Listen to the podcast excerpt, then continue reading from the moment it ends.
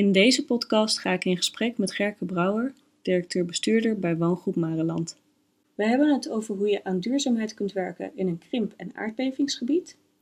Ook geeft Gerke een tip aan woningcorporaties die nog worstelen met de verduurzaming van hun woningvoorraad. En hij vertelt over zijn lezing tijdens ons stemmen naar duurzaamheid op 7 juni 2018.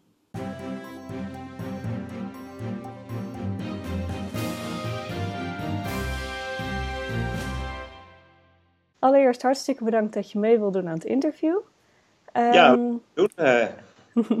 zou je jezelf even kort kunnen voorstellen? Ja, mijn naam is Gerke Brouwer. Ik uh, ben geboren in Heerenveen. Uh, daar hebben mijn ouders tien maanden gewoond. vervolgens zijn we verhuisd naar Tolbert. dat ligt in de provincie Groningen. En daar ben ik mijn hele leven ben ik daar, opgegroeid. Ik ben in 1984 in de volkshuisvesting gestapt. Dat was het moment dat ik begon bij de Nationale Woningraad. Dat heb ik zes maanden, of zes, sorry, zes jaren gedaan. En ik ben in 1990 uh, ben ik uh, uh, aan de slag gegaan bij woningbouwvereniging Smallingenland in Drachten. Daar heb ik 12,5 jaar gezeten. daar heb ik gezeten als hoofd financiën een club met zo'n 5500 woningen.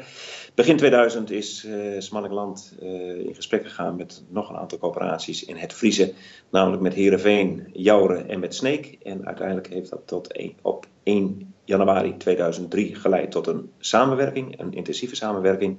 En dat is ook het moment dat ik uh, directeur-bestuurder ben geworden van het facilitair bedrijf van Accolade, zoals dat toen heette en overigens nu nog zo heet. Per 1 oktober 2007 ben ik directeur-bestuurder geworden bij Woningstichting Openbaar Belang in Zwolle. Dat heb ik gedaan tot 1 november 2016.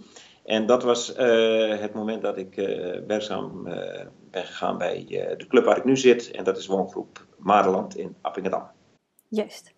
Ja, binnen het werkgebied van woongroep Mareland hebben jullie natuurlijk te maken met verschillende factoren. Zoals aardbevingen en krimp. Hoe ga je om met deze opgave op zo'n manier dat je toch stappen kunt blijven maken op het gebied van duurzaamheid? Ja, nou, er is natuurlijk veel uh, ellende door de aardbevingen en ook heel veel onzekerheid. En uh, dat maakt ook dat er ook heel veel onzekerheid en boosheid bij bewoners is. En dat is ook heel begrijpelijk. Dat heb ik de afgelopen anderhalf jaar ook van dichtbij mogen ervaren. Wat wij in ieder geval als woningcorporaties doen, dat doen we met, met meerdere in de regio waar we werkzaam zijn. We hebben afspraken gemaakt met een NAM om een pilotovereenkomst vast te stellen. Dat is een aantal jaren geleden gebeurd voor mijn komst. Waarbij is afgesproken om te leren om de woningen te versterken. Want het is zo dat in 2012 de eerste grote aardbeving in Huizingen plaatsvond. En daarna is het natuurlijk met mannenmacht gaan werken om ja, de versterkingsopgave eh, handen en voeten te geven. En heel begrijpelijk. Uh, het was voor alle partijen nieuw. Uh, de kennis die was hier ook niet aanwezig. Dus er moest ook heel veel geleerd worden. dat maakte dat er een pilotovereenkomst is, is opgesteld. En waarbij is ook gezegd van op het moment als je de woning gaat versterken. Ga gelijktijdig ook aan het werk met verduurzaming. Dus we noemen dat ook koppenkansen. Om ja, gelijktijdig er ook voor te zorgen dat de woningen ook nul op een meter krijgen. Daar zijn we voortvarend in gestart. Het loopt allemaal veel langer dan, dan, dan, dan, dan gepland. Maar in ieder geval zijn al mooie resultaten geboekt. Dat en de woningen zijn versterkt en er ook nul op een meter is gerealiseerd. Ja, dus echt die, die versterkingsnoodzaak ook als een kans zien om te verduurzamen meteen. Klopt, klopt, klopt, klopt. Dan ben ik nog heel erg benieuwd. Heb je een tip voor corporaties die worstelen met het verduurzamen van hun woningvoorraad? Ja, nou dan, dan zou ik ze eh, adviseren om uh, in gesprek te gaan met collega-corporaties uh, die daar heel veel stappen in hebben, hebben gezet. En die voorbeelden die zijn er. En ik zou zeggen, ja, laat je overtuigen op het moment als je daar twijfel bij hebt. Maar in zijn algemeenheid heb ik wel het beeld dat de meeste van mijn collega's daar op een hele verantwoorde wijze mee omgaan. maar als er twijfel is, zoek partners in je buurt op en laat je overtuigen, want die noodzaak is er absoluut. Ja, dus echt het gesprek aangaan met, uh, met de koplopers.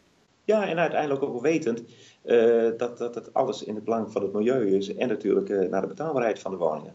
Ja, dan, je bent natuurlijk ook spreker op ons seminar Duurzaamheid op 7 juni.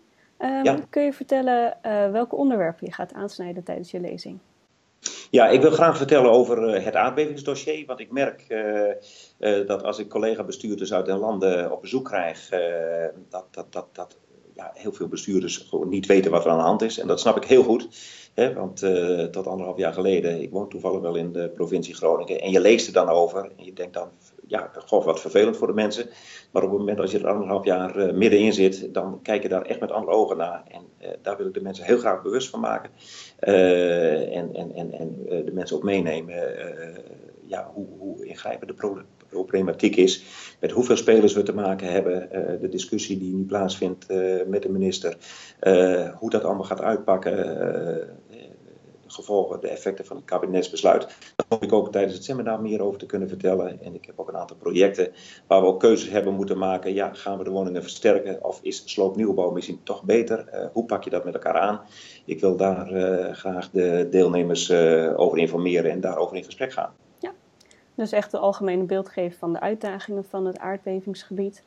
Ja. En ook concrete praktijkvoorbeelden. Hoe ja. jullie daarmee aan de slag gaan. Ja, dat wil ik graag. Klinkt hartstikke interessant. Dan wil ik je heel erg bedanken voor het meedoen met het interview. Graag gedaan. Bedankt voor het luisteren naar deze podcast. Wil je nieuwe afleveringen ontvangen? Abonneer je dan op deze podcast. En kijk ook eens op onze website corporatiestratege.nl voor meer praktische tips en downloads die jouw werk als corporatiestratege makkelijker maken.